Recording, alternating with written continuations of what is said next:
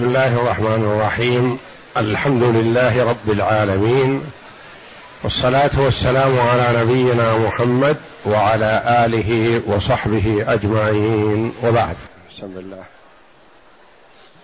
أعوذ بالله من الشيطان الرجيم. يا بني إسرائيل اذكروا نعمتي التي أنعمت عليكم وأوفوا وأوفوا بعهدي اوف بعهدكم وإياي فارهبون. وآمنوا بما أنزلت مصدقا لما معكم ولا تكونوا ولا تكونوا أول كافر به. ولا تشتروا بآياتي ثمنا قليلا وإياي فاتقون. في هاتين الآيتين الكريمتين من سورة البقرة يقول الله جل وعلا يا بني إسرائيل اذكروا نعمتي التي أنعمت عليكم وأوفوا بعهدي اوف بعهدكم وإياي فارهبون. الآيتين. يخاطب الله جل وعلا بني إسرائيل. وإسرائيل هو يعقوب عليه السلام. فهو يعقوب ابن إسحاق ابن إبراهيم عليهم وعلى نبينا أفضل الصلاة والسلام. وإسرائيل اسم ثان له أو لقب. وإسرائيل مثل جبرائيل وجبريل. بمعنى عبد الله. اسرى هذا عبد. وإيل بلغتهم الله. أو مثل جبريل وميكائيل وإسرافيل كلهم عباد لله جل وعلا. وهذا نداء من الله جل وعلا وفيه تحريض لهم بالقبول. كأنك تقول يا ابن الكرام تقدم للجهاد في سبيل الله يا ابن الشجعان. ابذل من مالك يا ابن الكرام. يقول يا بني الرجل الصالح يا بني العبد لله جل وعلا. يا بني إسرائيل فهو جل وعلا يخاطبهم بهذا الخطاب في صدر سورة البقرة. وقد عرفنا أن البقرة من السور المدنية ولعلها من أول ما نزل في المدينة بعد هجرة النبي صلى الله عليه وسلم إليها. وكانت المدينة بلد فيها اليهود وفيها المشركون. المشركون الأوس والخزرج. كانوا قبل مبعث النبي صلى الله عليه وسلم على الشرك. واليهود كانوا أهل كتاب. عندهم التوراة التي أنزلها الله جل وعلا على موسى على نبينا وعليه أفضل الصلاة والسلام. فكان كفار قريش إذا أشكل عليهم شيء أرسلوا مندوبا منهم إلى المدينة ليسأل أحبار اليهود.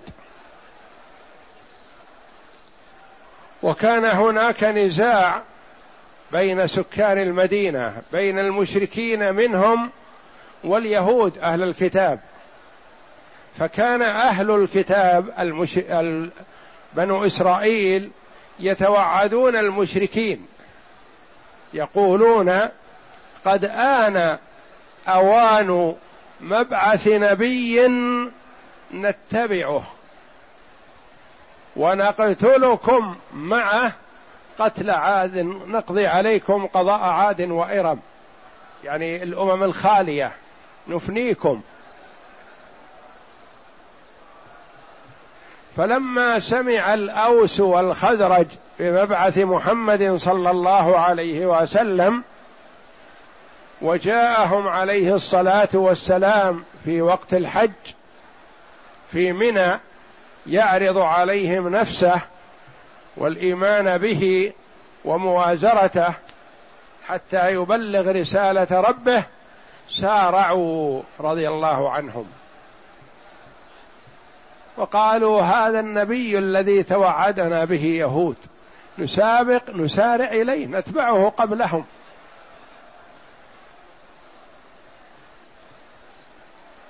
فآمنوا ودعوا قومهم إلى الإيمان. وحصلت بيعة العقبة الأولى وبيعة العقبة الثانية. ثم هجرة النبي صلى الله عليه وسلم. اليهود حسدوا النبي صلى الله عليه وسلم. وآثروا الدنيا على الآخرة. فلم يؤمنوا مع أنهم كانوا يتوعدون الأوس والخزرج. مع أنهم يعرفون محمدا صلى الله عليه وسلم كما يعرفون أبناءهم.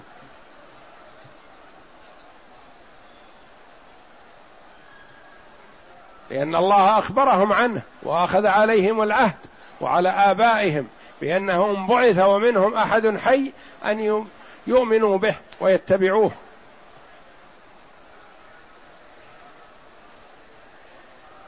فخاطبهم الله جل وعلا بهذا الخطاب العظيم. فيه ترغيب وفيه امتنان وفيه تخويف وترهيب بأسلوب واضح جلي بليغ في منتهى البلاغة وفي منتهى الترغيب والترهيب والتذكير بنعم الله جل وعلا. يا بني إسرائيل. يا بني الرجل الصالح. يا أولاد خيار الناس. يا أولاد الأتقياء. يا أولاد الأنبياء. ما نسبهم إلى آبائهم الأقربين وإنما نسبهم إلى جدهم البعيد. إسرائيل الذي هو يعقوب أبو يوسف. فيعقوب هو يعقوب ابن إسحاق ابن إبراهيم عليهم الصلاة والسلام. والأنبياء عليهم الصلاة والسلام من بني إسرائيل كلهم من ذرية يعقوب. ذرية إسرائيل. سوى محمد صلى الله عليه وسلم فهو من ذرية إسماعيل.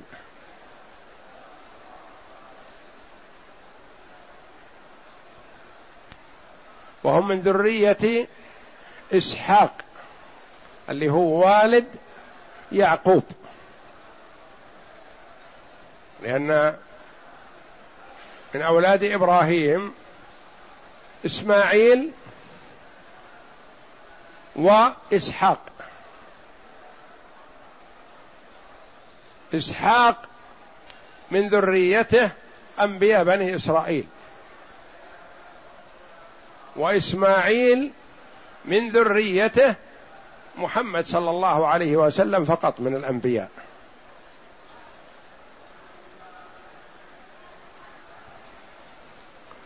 فهذا أسلوب فيه ترغيب. وفيه استجلاب. إذا أردت أن تعظ شخصا ما وكان أبوه مذكور بالخير والصلاح تقول أبوك رجل فاضل أبوك فيه خير وأنت أحد أفراد ذريته. ما يليق من مثلك أن يحصل كذا وكذا وأبوك فلان المعروف بالصلاح والاستقامة. حافظ على سمعة آبائك وأجدادك. يا بني إسرائيل. بينهم وبين إسرائيل عليه السلام عدد من الآباء نسبهم إليه. يا بني إسرائيل اذكروا نعمتي التي أنعمت عليكم.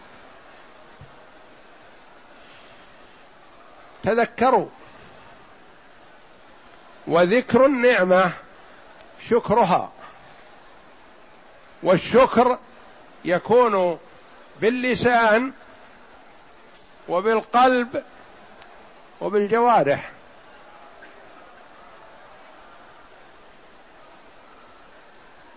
باللسان تذكر النعمة وتثني على مستيها وموليها وهو الله جل وعلا.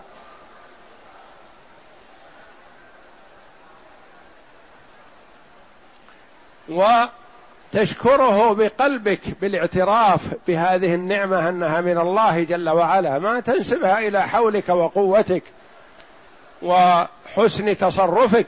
لا هي من الله. كم واحد أحسن منك وأقوى بدن وأحكم راي وكذا من صفات الكمال فيه ما لا فيك وما حصل ما حصلت. فما عندك هي من نعم الله.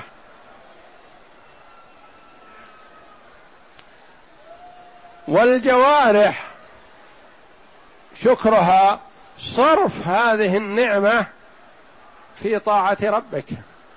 تستعين بها على طاعة ربك. يا بني إسرائيل اذكروا نعمتي التي أنعمت عليكم. اذكروها بألسنتكم وبقلوبكم وبجوارحكم. أدوا حقها أدوا شكرها. وهذه النعمة ما هي؟ المفسرون رحمهم الله ذكروا أشياء كثيرة. بعضهم يقول كذا وبعضهم يقول كذا وبعضهم يقول كذا. بعضهم يقول النجاة من فرعون وقومه. بعضهم يقول إرسال الرسل. بعضهم يقول إنزال الكتب التي أنزلت على آبائكم. بعضهم يقول إدراككم أيها المخاطبون. لمحمد صلى الله عليه وسلم ومبعثه. تلك نعمة. بعضهم يقول انزال المن والسلوى على آبائكم في التيه.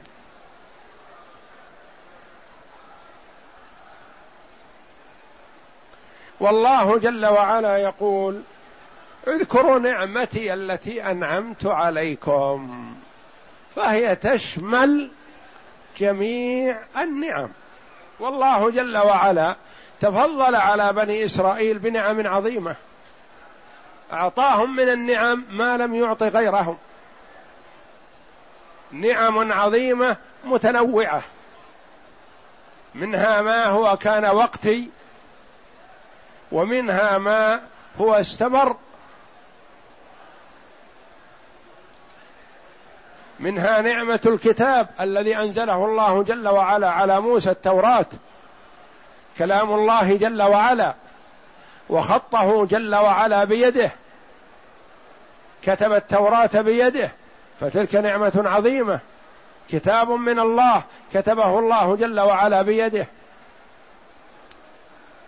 إرسال الرسل وتتابعهم من إبراهيم إلى آخرهم إلى أن ختموا بني رسل بني إسرائيل بعيسى على نبينا وعليه أفضل الصلاة والسلام متتابعين. وقد يكون في الزمن الواحد أكثر من نبي وأكثر من رسول. وقد يكون في البلد الواحد أكثر من نبي وأكثر من رسول.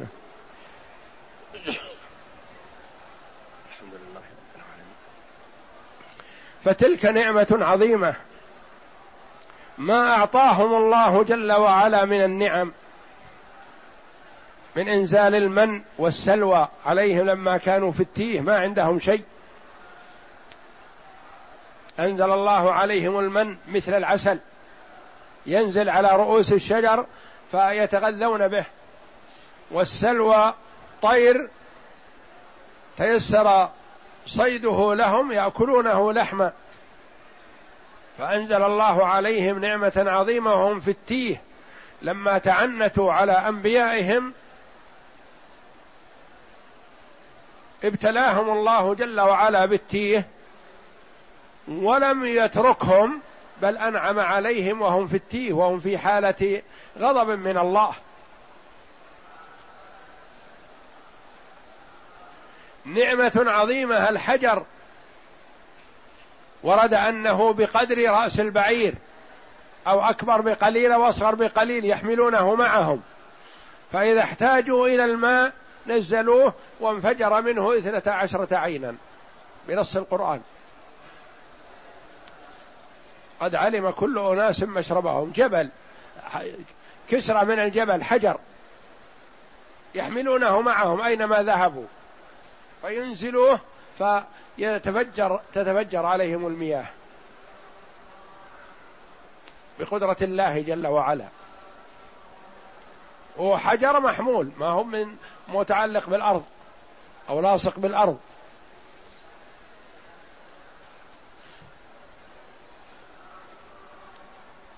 فتلك نعمة وهكذا ونعم كثيرة. والله جل وعلا ما خص واحدة دون أخرى. قال يا بني إسرائيل اذكروا نعمتي التي أنعمت عليكم. اذكروها. تذكروا نعمي عليكم فآمنوا برسولي هذا نبيي هذا رسولي. أرسلته إليكم وإلى الناس كافة. وأوفوا بعهدي أوف بعهدكم. أوفوا بالعهد الذي كان بيني وبينكم. أخذ عليكم العهد. لا تنسوا. فإذا وفيتم أعطيتكم ما وعدتكم عليه.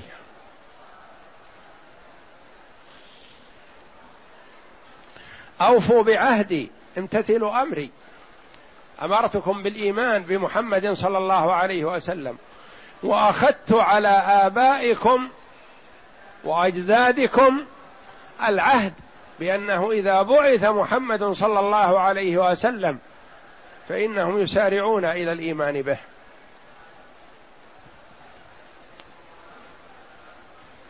ما من نبي إلا وأمره الله جل وعلا أن يأخذ على قومه أن يؤمنوا بمحمد صلى الله عليه وسلم.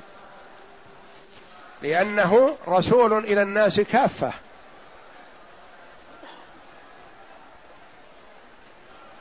موسى وهارون عليهم الصلاة والسلام لقوم. عيسى عليه الصلاة والسلام لقوم. شعيب لقوم. داود وسليمان ولوط وغيرهم لأقوام. محمد صلى الله عليه وسلم إلى الناس كافة إلى الثقلين الجن والإنس. فلذا أمر الله جل وعلا رسله بأن يأخذوا على أممهم الإيمان بمحمد صلى الله عليه وسلم إذا بعث.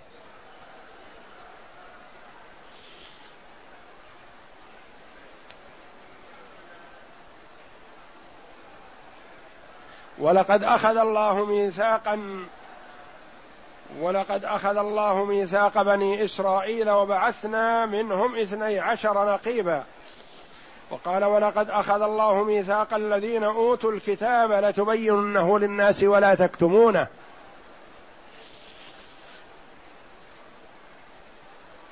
ولقد أخذ الله ميثاق بني إسرائيل.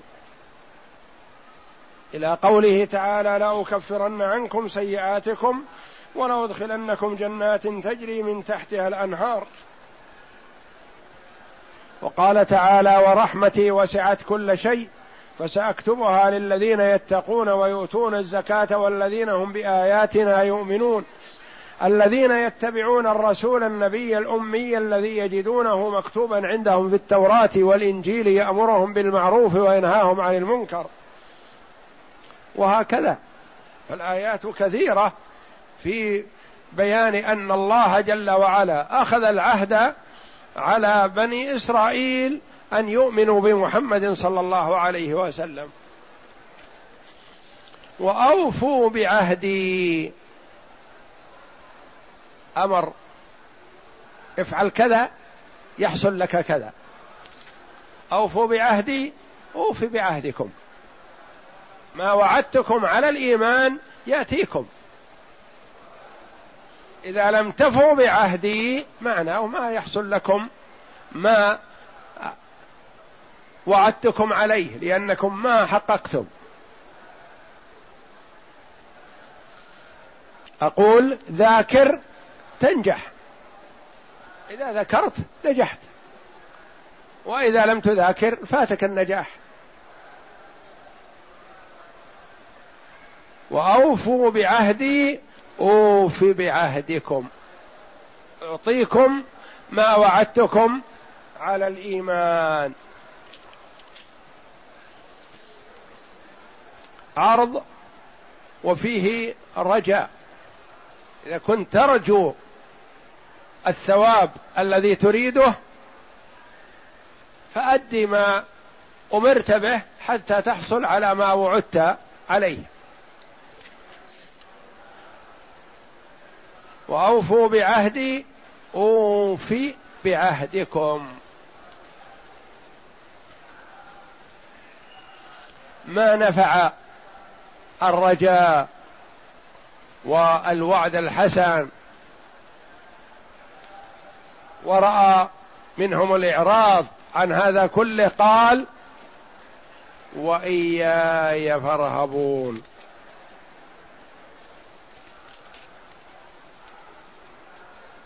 وإياي فارهبون. إذا لم ينفع فيكم الرجا والترجي فخافوا مني. خافوا لأن عذابي أليم وأخذي شديد. فصدر الآية فيها الترغيب وختمت بالترهيب والتخويف. إذا لم تفوا بعهدي فخافوا.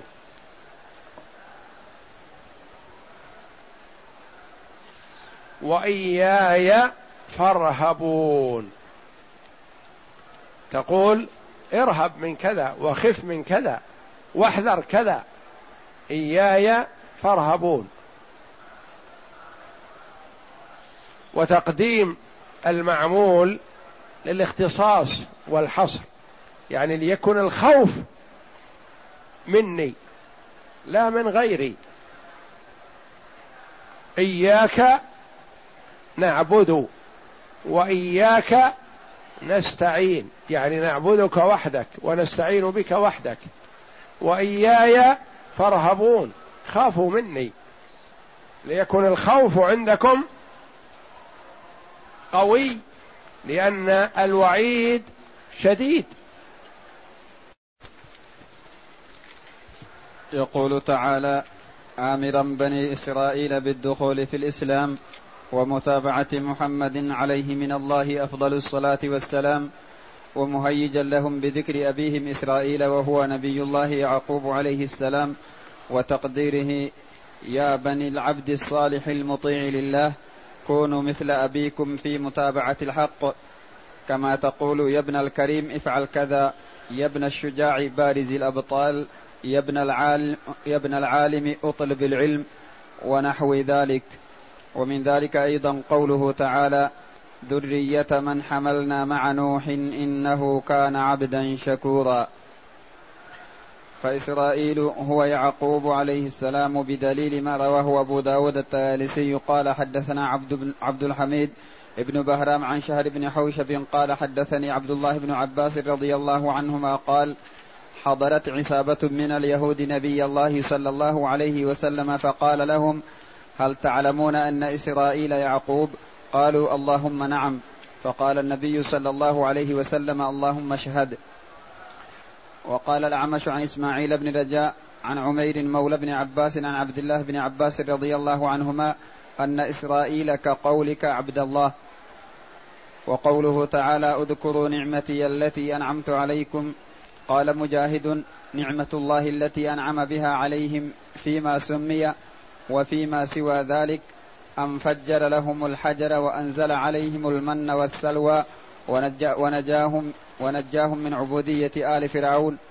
وقال أبو العالية رحمه الله نعمته أن جعل منهم الأنبياء والرسل وأنزل عليهم الكتب. قلت وكذا قول موسى عليه السلام لهم. يا قوم اذكروا نعمة الله عليكم إذ جعل فيكم أنبياء وجعلكم ملوكا وآتاكم ما لم يؤت أحدا من العالمين يعني في زمانهم. وقال محمد بن إسحاق حدثني محمد بن أبي محمد عن كريمة أو سعيد بن جبير عن ابن عباس رضي الله عنهما في قوله تعالى اذكروا نعمتي التي أنعمت عليكم أي بلائي عندكم وعند آبائكم لما كان نجاهم من فرعون وقومه وأوفوا بعهدي أوف بعهدكم قال بعهدي الذي أخذت في أعناقكم للنبي صلى الله عليه وسلم إذا جاءكم أنجز لكم ما وعدتكم عليه من تصديقه واتباعه بوضع ما كان عليكم من الآثار والأغلال التي كانت في أعناقكم بذنوبكم التي كانت من إحداثكم. وكانت عليهم بعض الآثار والأغلال وعدهم الله جل وعلا. إذا آمنوا بمحمد صلى الله عليه وسلم ترفع عنهم لأن عندهم في دينهم من التشديد في شدة ما الله به عليم. فإذا اتبعوا محمدا صلى الله عليه وسلم آه، خفف عنهم بكثير من الأمور لأنه أتاهم عليه الصلاة والسلام بالتخفيف وهم يعرفون ذلك. فلذا لما زنى فيهم رجل وامرأة قد احسنا قالا ولم يحب أن ينفذ الحكم الذي عندهم. رغبوا في أن يعرضوا أمرهم على محمد صلى الله عليه وسلم. قالوا عنده من التخفيف ما ليس عندنا. فلعله يكون مخفف عنهم ما يحصل لهم الرجم. فحكم فيهم النبي صلى الله عليه وسلم بما في كتابهم. الشيء آية الرجم نزلت عليهم كما نزلت على محمد صلى الله عليه وسلم ونسخت من الكتاب وبقي حكمها. فهم يعرفون أن شريعة محمد عليه الصلاة والسلام أخف مما كان عندهم. وإنما شدد عليهم بسبب ما اقترفوه من المعاصي فشدد الله عليهم. ووعدهم بالإيمان بمحمد صلى الله عليه وسلم بالتخفيف. وأوفوا بعهدي أوفي بعهدكم أخفف عنكم وأعطيكم جزاءكم على ذلك الجنة. نعم. وقال الحسن البصير بصري رحمه الله هو قوله تعالى ولقد أخذ الله ميثاق بني إسرائيل وبعثنا منهم اثني عشر نقيبا. وقال الله إني معكم لئن أقمتم الصلاة وآتيتم الزكاة وآمنتم برسلي وآمنتم برسلي وعزرتموهم وأقرضتم الله قرضا حسنا لأكفرن عنكم لأكفرن عنكم سيئاتكم ولأدخلنكم جنات تجري من تحتها الأنهار. الآية. وقال آخرون هو الذي أخذ الله عليهم في التوراة أنه سيبعث من بني إسماعيل نبيا عظيما يطيعه جميع الشعوب والمراد به محمد صلى الله عليه وسلم. فمن اتبعه غفر الله له ذنبه وأدخله الجنة وجعل له أجرين. جعل له أجرين. ممن يؤتى أجره مرتين شخص آمن بنبيه وآمن بمحمد صلى الله عليه وسلم. مثل عبد الله بن سلام رضي الله عنه ومن آمن من اليهود والمؤمنون من اليهود قلة. ما آمن منهم إلا قليل بخلاف النصارى فالنصارى آمن منهم كثير. أما اليهود فالذين آمنوا بمحمد قلة يعدون على الأصابع لأن فيهم الحسد والبغضاء والكراهية.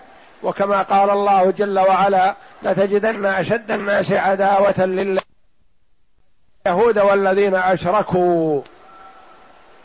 فاليهود معروفون بالحسد والكراهية وإيثار الدنيا ومحبة الدنيا وتقديمها على كل شيء. فالله جل وعلا رغبهم في الإيمان بمحمد صلى الله عليه وسلم ومن آمن منهم يؤتى أجره مرتين. ثلاثة جاء في الحديث الصحيح يعطون أجرهم مرتين. رجل آمن بنبيه وآمن بمحمد صلى الله عليه وسلم يعني من أهل الكتاب. ورجل أحسن إلى أمته وعلمها وأدبها يعني مملوكته ثم أعتقها وتزوجها. ورجل مملوك أدى حق الله جل وعلا وحق مواليه. أبرأ ذمته مما افترض الله عليه لحق من حق الله وحق مواليه يعني أسياده أدى ما عليه.